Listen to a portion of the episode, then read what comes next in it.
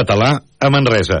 El seu director, Francesc Vila, explicava fa ben poca estona que sovint es relaciona l'art barroc amb la decadència, la foscor o la religiositat, però en canvi és més exuberant i sensual del que la gent es pensa. Quan pensem en, en el Museu del Valor del Barroc de Catalunya i què volem fer des d'aquest Museu de Manresa, Museu del Barroc de Catalunya, pensem en, en posar en valor l'art i la cultura d'aquests segles. Quan parlem de barroc, eh, ho comentava abans en, en la visita, dius, no, ens, no ens senyim a una definició estricta, parlem del, de la cultura i l'art que generava Catalunya als segles XVII i XVIII. Mm? Posar en valor que és un període molt més ric del que, del que a vegades ens pensem i molt més atractiu també.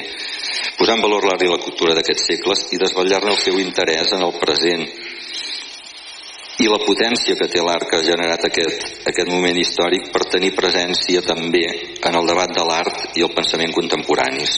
Ubicat al vell mig del centre històric, a l'antic col·legi Sant Ignasi, a la via Sant Ignasi de Manresa, el museu exposa 182 peces. S'hi troben els autors més representatius del barroc català, com Antoni Viladomat, Joaquim Juncosa, Francesc Tramulles o Francesc Pla. També hi ha artistes locals i que van formar part de l'Escola d'Escultura Barroca Manresana del segle XII. Per a l'alcalde de Manresa, Marc Eloi, aquest museu del barroc català és estratègic. Una obra col·lectiva i un esforç també col·lectiu, una actuació que considerem estratègica eh, per la ciutat, en el món cultural, que ens permet complir diversos objectius. En primer lloc, la recuperació de patrimoni, eh, tant de l'edifici com del patrimoni que ja custodiàvem en el fons de la col·lecció del museu. En segon lloc, guanyar un equipament cultural de referència al país que posem a disposició del conjunt del país.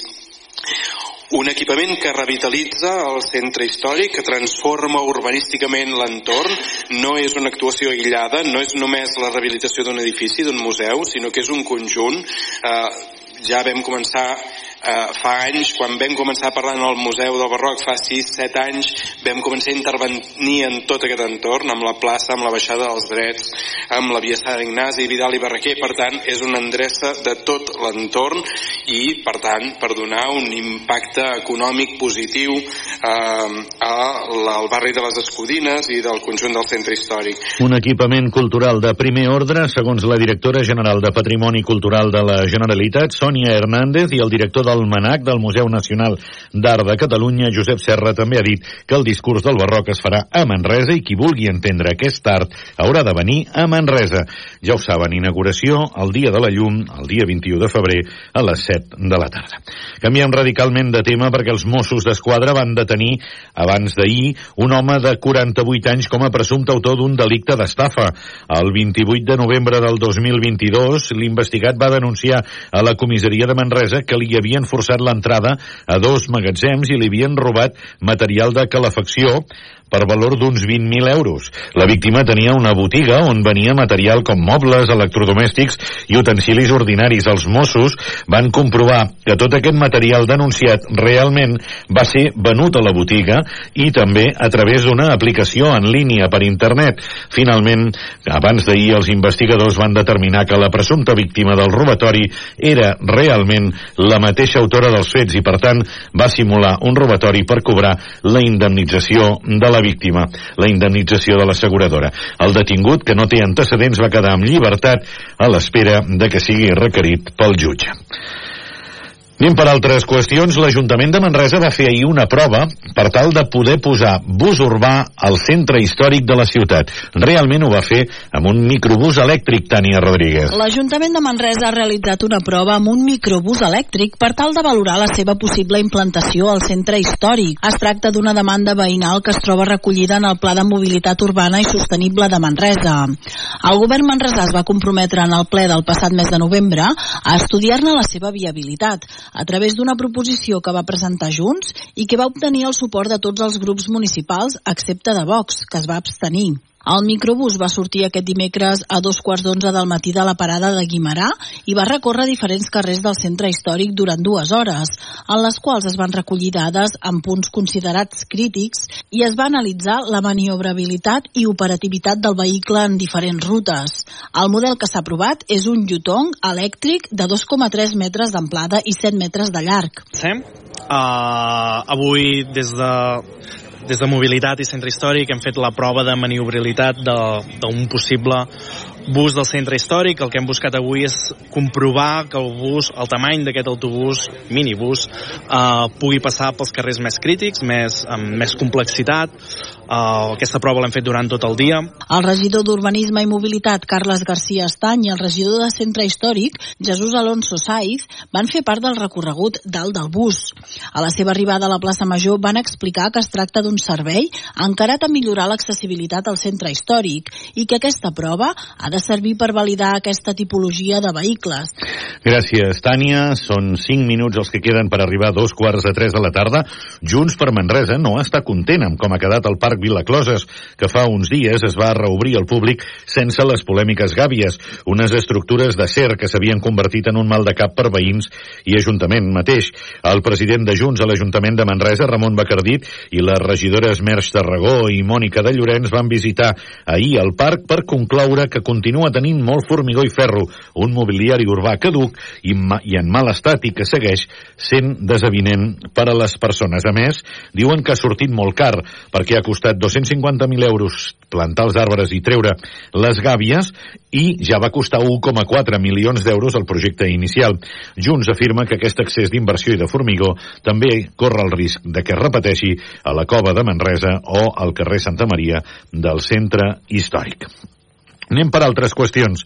Una interessant xerrada entre el periodista Jordi Vilarrodà i David Serrano va servir de prolegòmen ahir a l'entrega del Premi Planes de Periodisme d'Investigació en el Sabadellenc per la seva denúncia sobre els totalitarismes. Perdó, totalitarismes. L'acte es va fer al Centre Cultural del Casino de Manresa. Serrano, professor de Comunicació de la Universitat Ramon Llull i investigador, és el guanyador de l'11è Premi Josep Maria Planes d'Investigació Periodística per al llibre Jebuanne, una història universal que denuncia els mecanismes i les actituds d'una part de la població i, sobretot, això, els totalitarismes. Escoltem David Serrano. És evident que sent avui aquí a Manresa um, no voldria acabar sense, sense unes paraules a la Marc Piniella, perquè, evidentment, jo no estaria avui aquí si un dia no hagués començat la meva recerca sobre en Joaquim Amat Piniella i sobre la seva manera d'afrontar com explicar l'horror. No? Jo crec que eh, ell ens va donar una lliçó molt important, que probablement eh, si fos eh, un escriptor d'una altra llengua eh, més, més gran eh, tindria un reconeixement molt més gran que el que té ara, no encara, però que, que penso que em va obrir el camí cap a aquest eh, univers de, dels, dels escriptors que...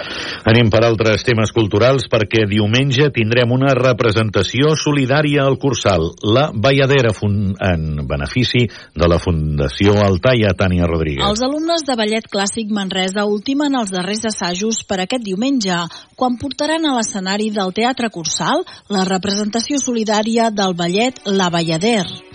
Es tracta d'una nova iniciativa de ballet clàssic Manresa amb la col·laboració de Manresana d'Equipaments Escènics i la Fundació Altaia.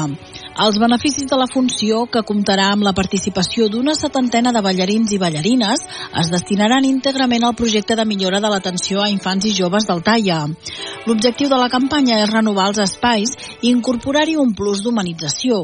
De moment ja s'ha pogut posar en funcionament la ressonància magnètica pediàtrica humanitzada i la consolidació dels pallapupes. Gràcies, Tània. I ja que estem al Cursal, el concert que s'havia de fer avui a la sala petita de la cantautora Gemma Mollet s'ha ajornat finalment el dijous 22 de febrer a causa d'un virus respiratori que ha provocat l'afonia de l'artista. Felicitar també el periodista Josep Genescà, que ha estat guardonat en una de les mencions d'honor dels Premis de Ràdio Associació de Catalunya. I encara anem pels esports amb Carles Jogar. El Mundial de Natació que celebra a Doha a partir del dia 2 de febrer comptarà amb presència vegenca a l'equip estatal de natació artística. La nedadora Txell Ferrer, nascuda a Sant Salvador de Guardiola l'any 2006, participarà en l'exercici d'equip tècnic amb l'objectiu de poder aconseguir la classificació olímpica per a l'equip. En cas que s'aconseguís, no voldria dir que la Txell tingués plaça garantida per París 24, perquè després la formació de l'equip dependria de la seleccionadora espanyola Mayuko Fujiki. Gràcies, Carles. Enllestim. Queden 10 segons per arribar a dos quarts de 3 de la tarda. Ja saben que segueixen informats a través de Canal Taronja de Televisió. El proper informatiu serà a les 8 del vespre i a les xarxes socials. Són dos quarts de 3.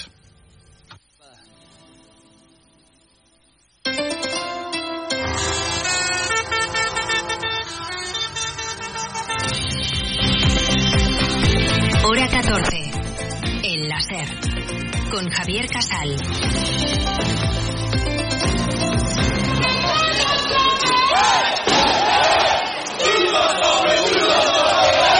Es la foto, la protesta de los agricultores europeos en Bruselas coincidiendo con la reunión de los líderes de los 27 en la capital. Cientos de tractores que siguen a esta hora, como estamos escuchando, bloqueando la capital belga instando a la Unión a que cuide el campo, lo proteja de las importaciones ucranianas libres de aranceles y actúe frente al drama que supone para muchos productores la sequía que golpea especialmente a España y a los países del sur.